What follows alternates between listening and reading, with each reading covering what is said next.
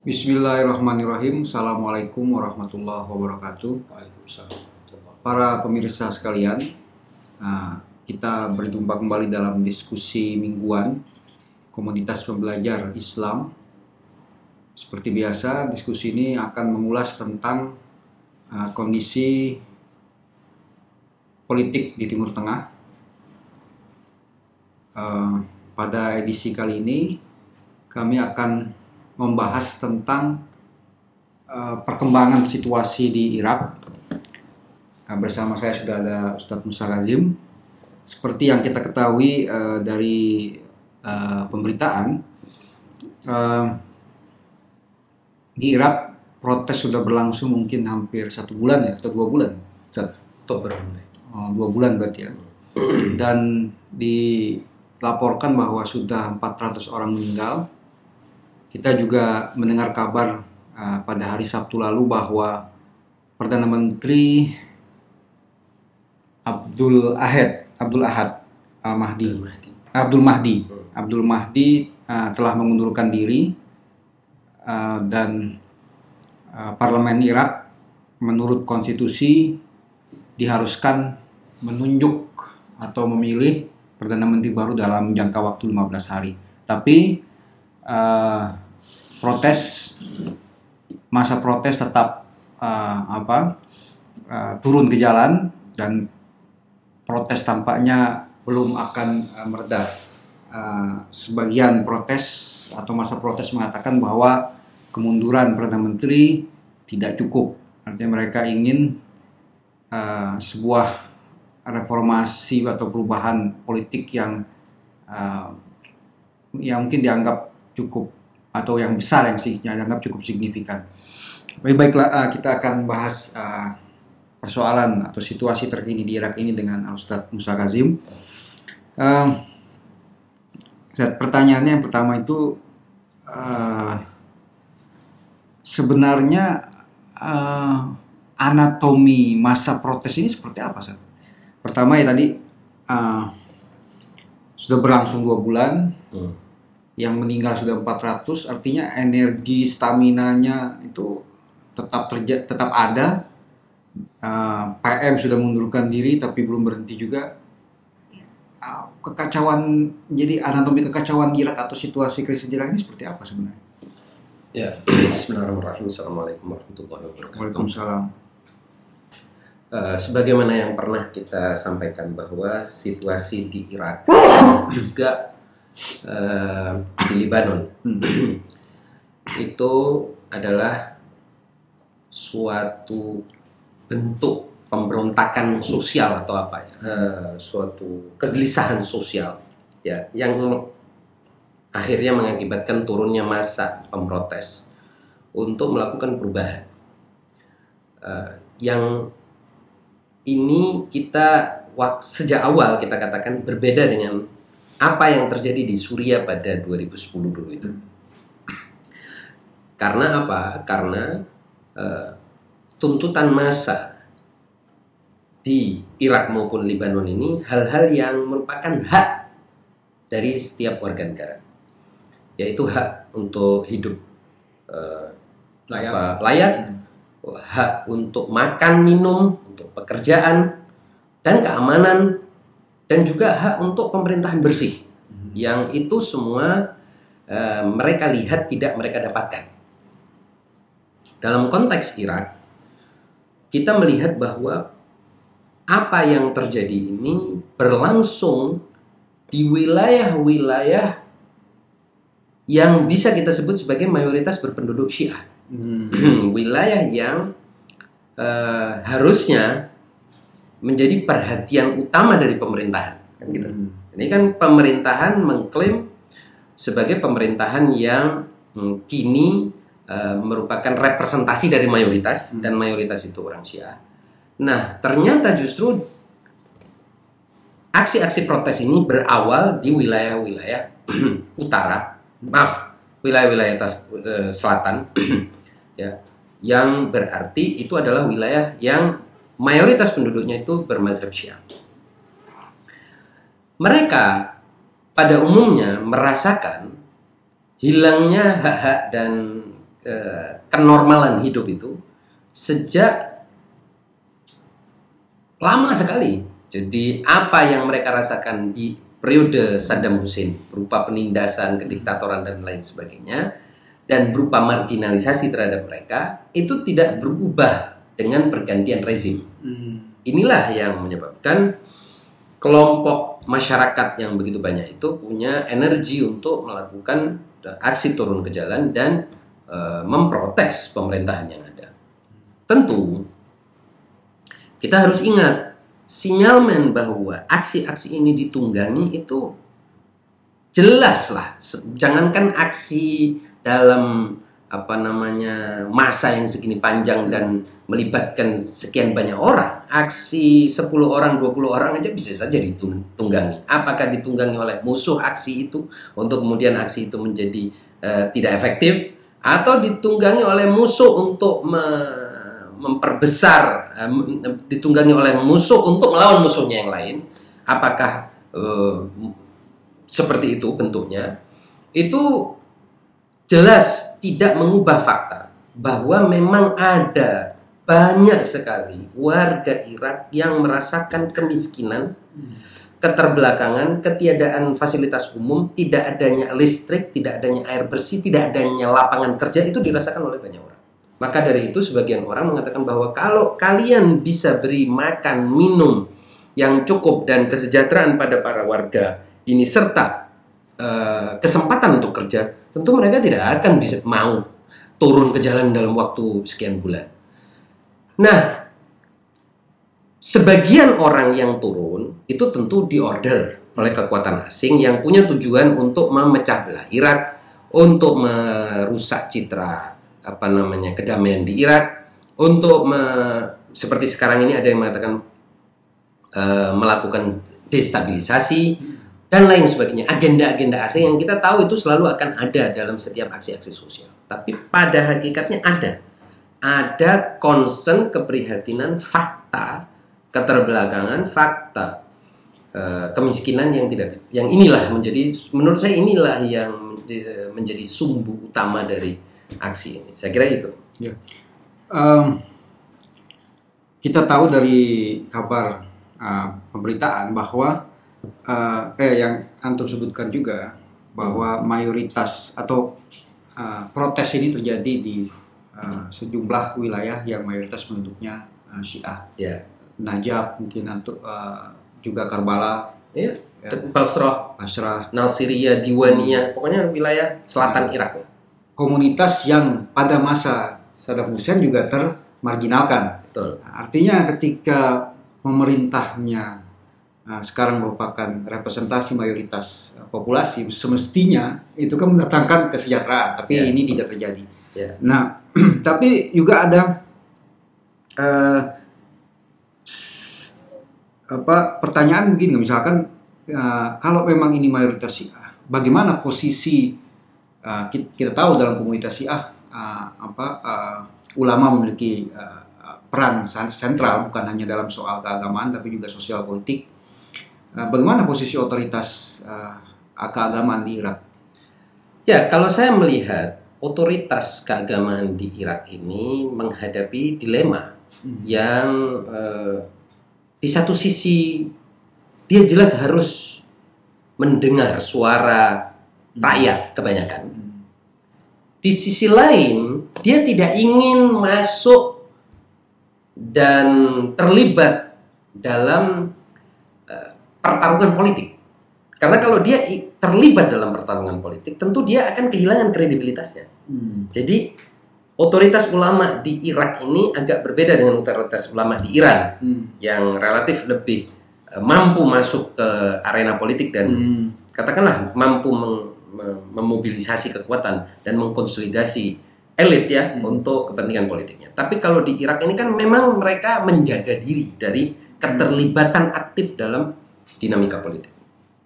Oleh sebab itu, menurut saya mereka uh, menghadapi dilema di mana di satu sisi mereka harus mendengar suara rakyat dan suara rakyat ini jelas menuntut perubahan sistem politik hmm. yang bukan hanya uh, diekspresikan atau diwujudkan dengan mundurnya satu dua pejabat uh, sampai kemudian pada apa namanya kali ini juga mundurnya mundurnya perdana menteri Adil Abdul Mahdi. Hmm.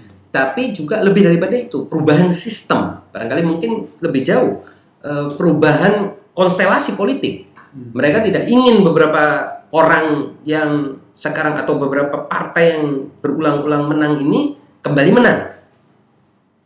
Dan mereka juga ingin uh, politik Irak itu jauh dari uh, katakanlah kesan intervensi asing.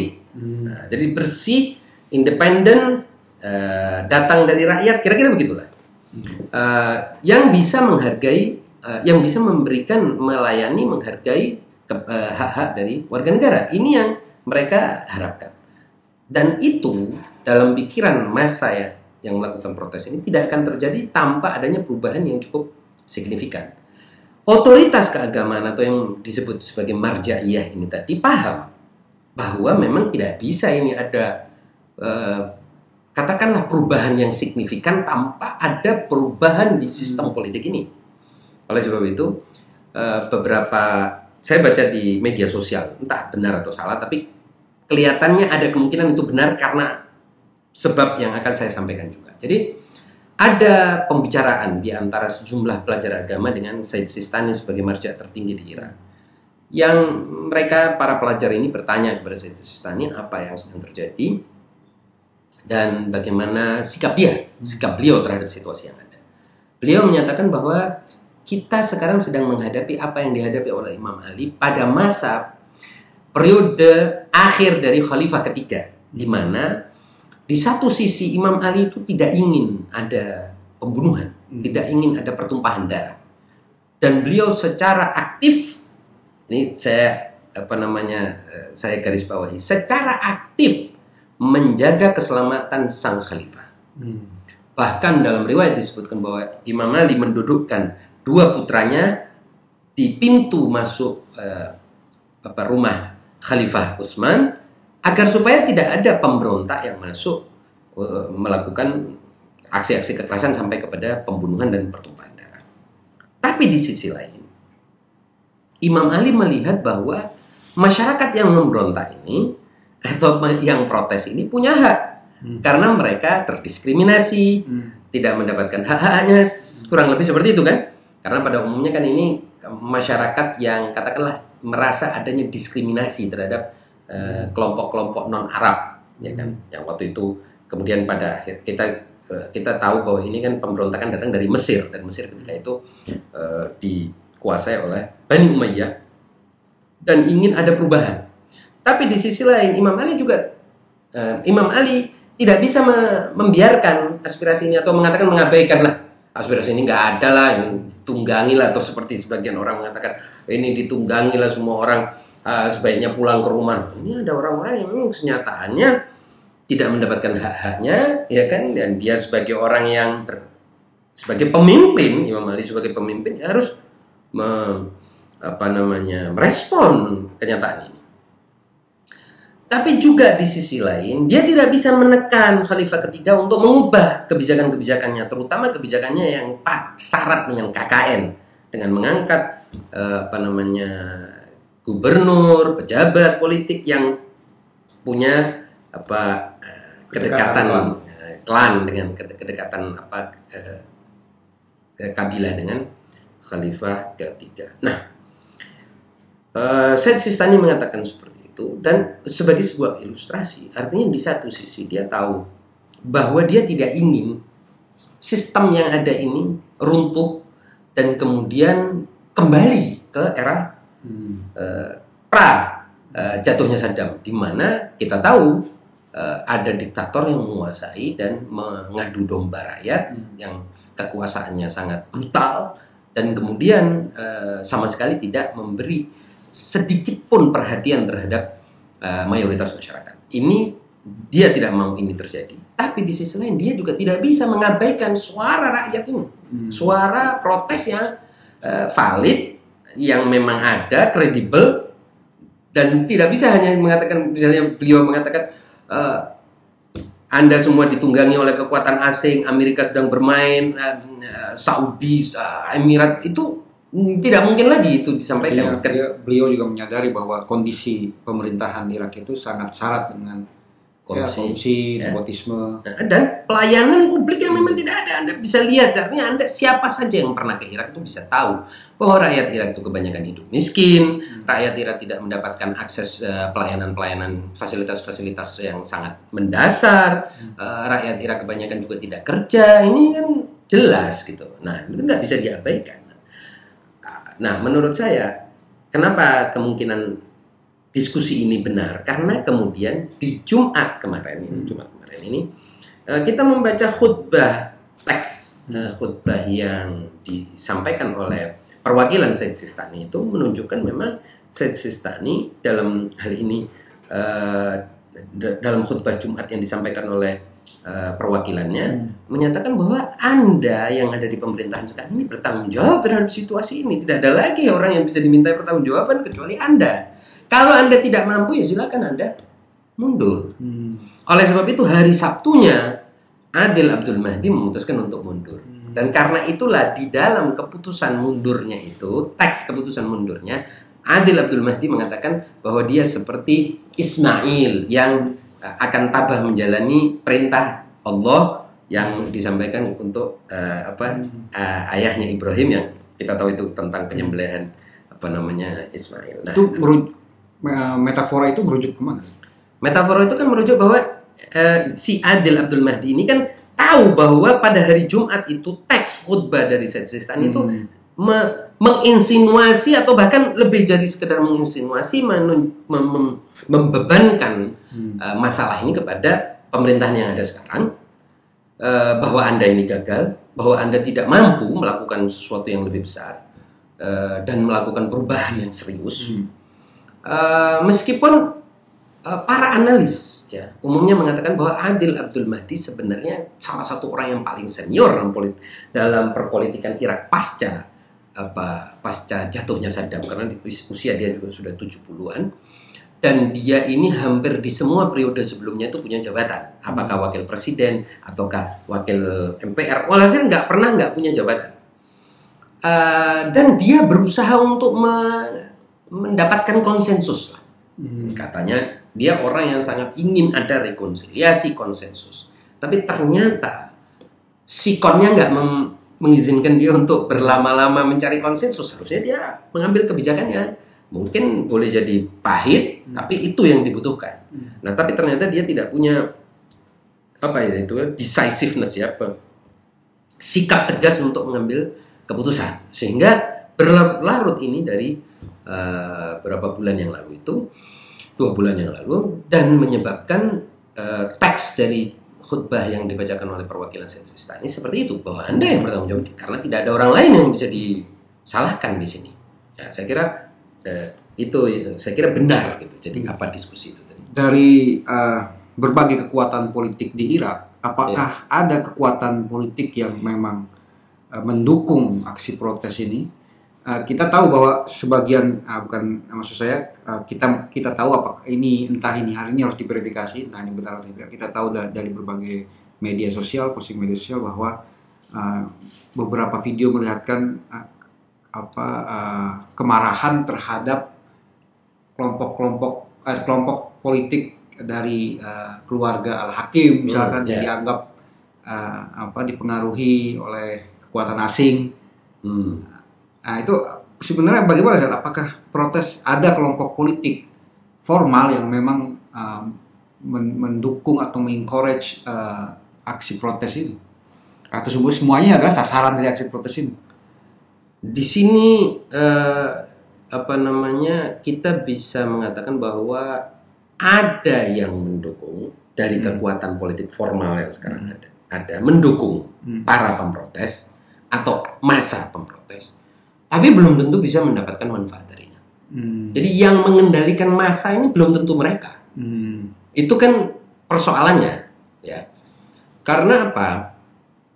Karena saya yakin berdasarkan dari pengalaman eh, kasus yang juga tidak kalah pentingnya yaitu tahun 2014 ketika ISIS Hmm. apa namanya mem- eh, menyerang ya menguasai wilayah Mosul dan menguasai uh, ya itu kota terbesar kedua di Irak itu dan kemudian mempers, mem, mem, mem, mulai masuk ke wilayah-wilayah lain yang bisa betul-betul mengendalikan dan memberikan keputusan yang tepat dan kemudian mengarahkan masyarakat ya cuman marjaiyah ini hmm. otoritas agama ini kan gitu hanya saja kan otoritas agama ini tidak mau membentuk partainya sendiri hmm. semua partai itu mengklaim dia itu tunduk pada marja marjaiyah tapi dia sendiri tidak mau tidak punya hubungan khusus lah dengan siapa pun tapi saya kira mereka lah yang mengendalikan hmm. Sesungguhnya dari uh, masyarakat Iran. Selama mereka tidak, selama marjaiyah ini tidak melarang protes, pasti protes ini akan berlanjut. Dan menurut saya uh, marjaiyah inilah yang akan didengar oleh masyarakat.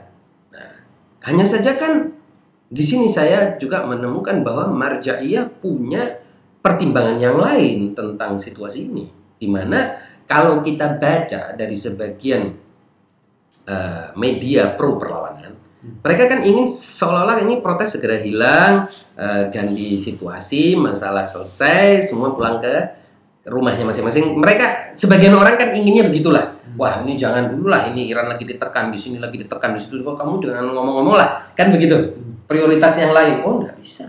Ini urusan perut, ini urusan makan minum orang Marja di Irak tahu itu, gak bisa dia mendorong masyarakat untuk kembali ke rumahnya masing-masing, uh, berhenti berdemo dan bersabar. Mereka bukan malaikat, mereka bukan para nabi, bukan para wali untuk melakukan itu harus ada jaminan dong. Apa? Hmm. Kalian bisa kasih mereka kesejahteraan, kalian bisa mereka kasih mereka apa? Suatu pekerjaan yang konkret kalau tidak ada, tidak bisa menyuruh orang masuk ke rumahnya masing-masing. Nanti malah mereka ini memberontak terhadap kita juga. Malah otoritas kita pun jadi hilang. Jadi hmm. apa yang diminta oleh uh, sebagian orang atau yang diharapkan oleh sebagian orang ini menurut saya tidak realistis. Hmm. Bahwa semua warga Irak harus kembali ke kampungnya masing-masing, ke rumahnya masing-masing. Oh ini sekarang Perdana Menteri sudah mundur, Nah bisa ini orang-orang kan tidak makan, tidak minum, mungkin mereka sendiri tidak tahu apa yang harus mereka kerjakan besok, besok lusa. Mereka tidak bisa ditekan seperti itu. Oleh sebab itu saya melihat dalam bahasa eh, bahasa yang implisit ya, bukan eksplisit.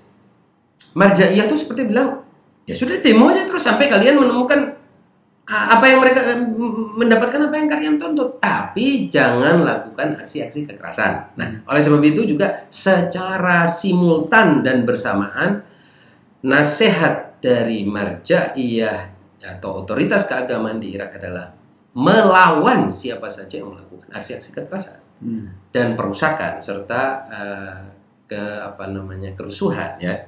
Tapi di sisi lain mendorong mendukung silakan kalau anda mau tuntut mau menuntut. Kok nggak boleh? Orang anda memang di rumah nggak bisa ada. Ini apalagi musim panas ya. Yeah. jadi kita harus tahu ya musim panas ini kan situasi musim dingin. itu, oh, mau masuk musim dingin ya. Pokoknya selalu eh maaf ya mau masuk musim dingin ya.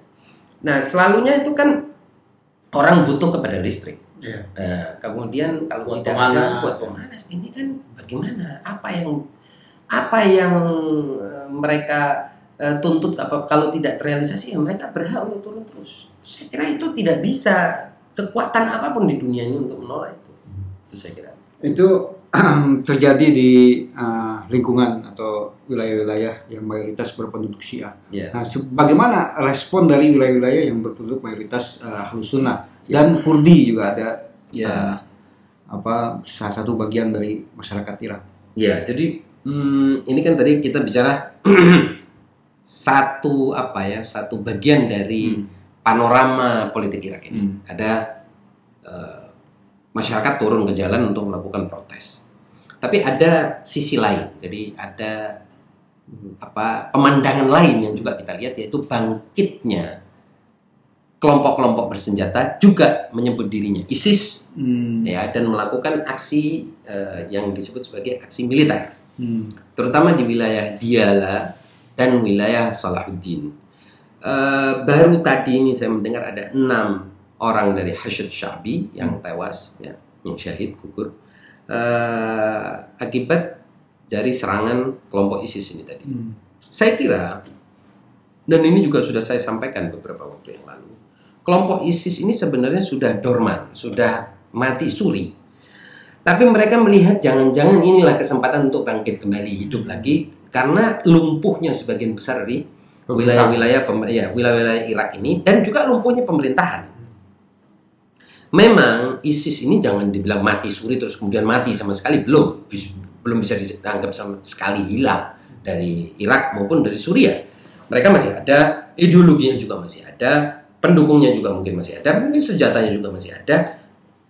Tapi eh, dan itulah mengapa ketika hari Sabtu kemarin itu eh, Abdul Mahdi Adil Abdul Mahdi mundur, mungkin mereka melihat ah ini Senin ini kesempatan untuk kita coba lakukan aksi apa namanya militer. Barangkali pihak Hashid Syabi yang menjaga perbatasan ini menjaga beberapa wilayah itu eh, mungkin engah, lengah, eh, terkejut dan mungkin bisa kita kalahkan. Dan ternyata eh, dalam pertempuran hari ini eh, Hashid Syabi sebagaimana yang mereka sampaikan mereka berhasil untuk menahan serangan dari pihak Hmm. ISIS ini dan tidak ada kemajuan apa-apa dari pihak ISIS. Belum disebut siapa pemimpin apa ya dari gerakan bersenjata yang mengklaim sebagai ISIS. Ya, mengklaim sebagai ISIS ini kan i- i- memang kan tetap berafiliasi dengan yang menggantikan Oh, eh, apa namanya Abu- eh, namanya saya juga Abu Bakar al-Baghdadi. ya menggantikan Abu Bakar al Baghdadi yang sepertinya meskipun tadi kemarin kita saya sudah sampaikan bahwa Hmm. sebetulnya dari sisi kekuatan sudah tidak lagi seperti yang dulu bahkan jauh eh, kehilangan pamor, kehilangan logistik, kehilangan tenaga, energi dan bahkan kehilangan orientasi juga. Makanya Hmm. eh, reaksioner kan ini sebenarnya kan gerakan ISIS yang terakhir ini kan tidak sebagaimana yang mereka lakukan Tahun pada 2014. tahun 2000 ya 13, 12, eh, 14, 15 di mana mereka itu aksinya proaktif ya Hmm.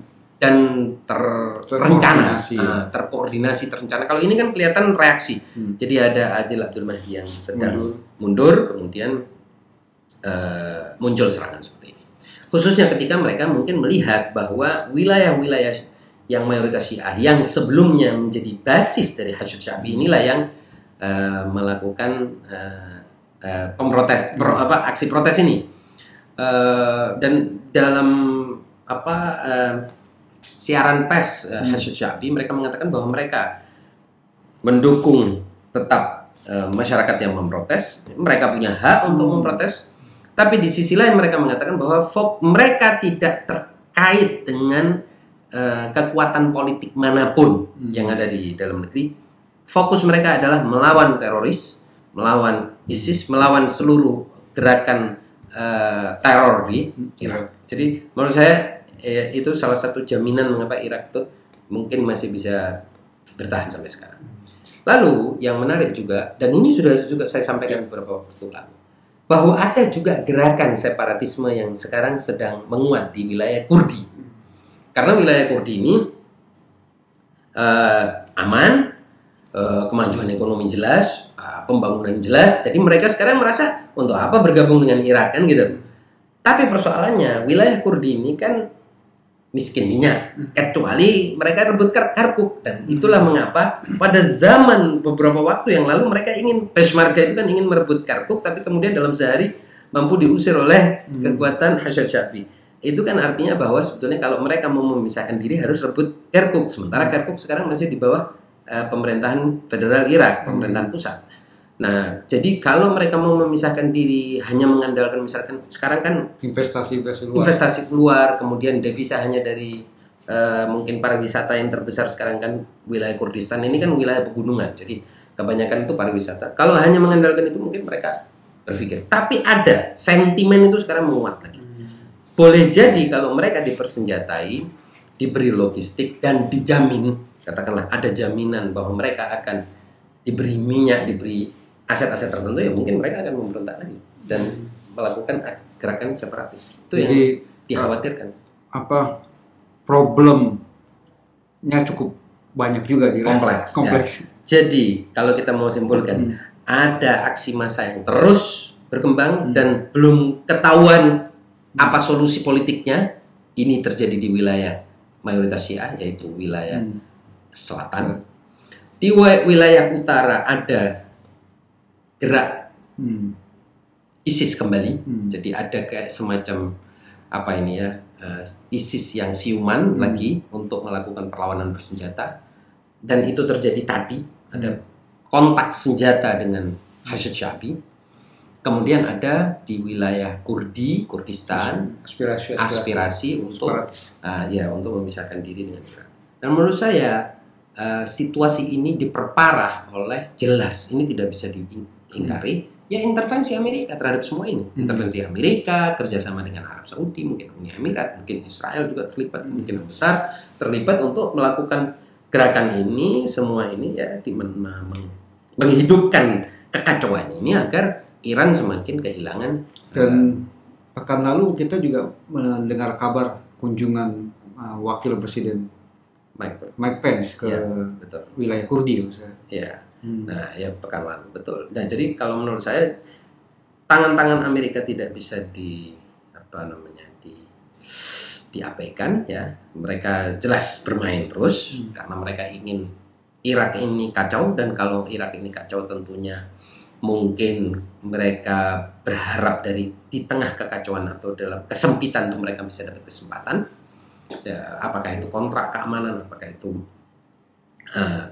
ya, kontrak keamanan untuk kemudian ditukar dengan kil apa namanya eh, ladang minyak dan lain sebagainya. Tapi yang lebih penting adalah kalau situasi Irak ini kacau dan Irak ini menjadi negara yang lumpuh, kan ini mem- me- memperkuat eh, poros anti Iran di wilayah mendestabilisasi wilayah-wilayah di sekitar. Ah, di sekitar Iran, Iran. Nah, jangan salah. Thanksgiving kemarin, eh, Donald Trump juga pergi ke Afghanistan Hmm. untuk eh, Thanksgiving bersama tentara Afghanistan di sana. Ini kan tanda-tanda bahwa Afghanistan juga kemungkinan akan di eh, Hmm. Dan dikacaukan lagi. Gitu ya. apa ada proses pembicaraan dengan Taliban. Nah, ada proses pembicaraan dengan Taliban. Nah, itulah mengapa saya kira bahwa Iran akan eh, mungkin menghadapi situasi geopolitik yang eh, Tidak bersahabat tidak mereka. bersahabat ya. Meskipun eh, ada berita baik juga ini buat Iran bahwa beberapa negara sudah Hmm. ikut dalam Skema Eropa ya. skema Eropa. Jadi skema yang awalnya dibangun oleh eh, Inggris, Jerman dan Prancis, ya pembayar sistem pembayaran itu sekarang ada Norwegia yang ikut bergabung di dalam skema itu, kemudian Finlandia, Belgia, Belanda, eh, Finlandia sudah ya, Nor- Norwegia, Belanda, Swedia. Swedia ya. Hmm. Jadi ini negara-negara Skandinavia eh, plus Belgia ikut bergabung dalam skema yang dibentuk oleh eh, Inggris, Jerman Jerman, dan Prancis. Nah ini kalau memang ini eh, Skema untuk memungkinkan Iran tetap bisa uh, menjual, ya berdagang dan ber- berinteraksi, eh, berlakukan transaksi secara dengan Eropa, Uni Eropa itu. Oke, baik. Terima kasih atas ulasannya. Ah, tadi dari isu Irak kita juga menyinggung sedikit soal ah, apa Amerika Serikat dan Iran. Ya. Ah, ya, situasi ah, di Irak tadi kita lihat kita bisa dengar dari penjelasan Ustaz Musa Kazim sangat kompleks. Ah, bukan hanya persoalan ah, persatuan nasional di Irak, tapi juga ada intervensi-intervensi asing eh, di negara ini yang memang posisinya juga bukan hanya sumber daya alam tapi juga posisinya sangat strategis eh, dalam dalam konteks eh, kendali kawasan gitu ya dalam konteks geopolitik. Nah, demikian para pemirsa sekalian eh, pembahasan kami kurang lebihnya kami mohon maaf bila itu Wassalamualaikum warahmatullahi wabarakatuh. Waalaikumsalam.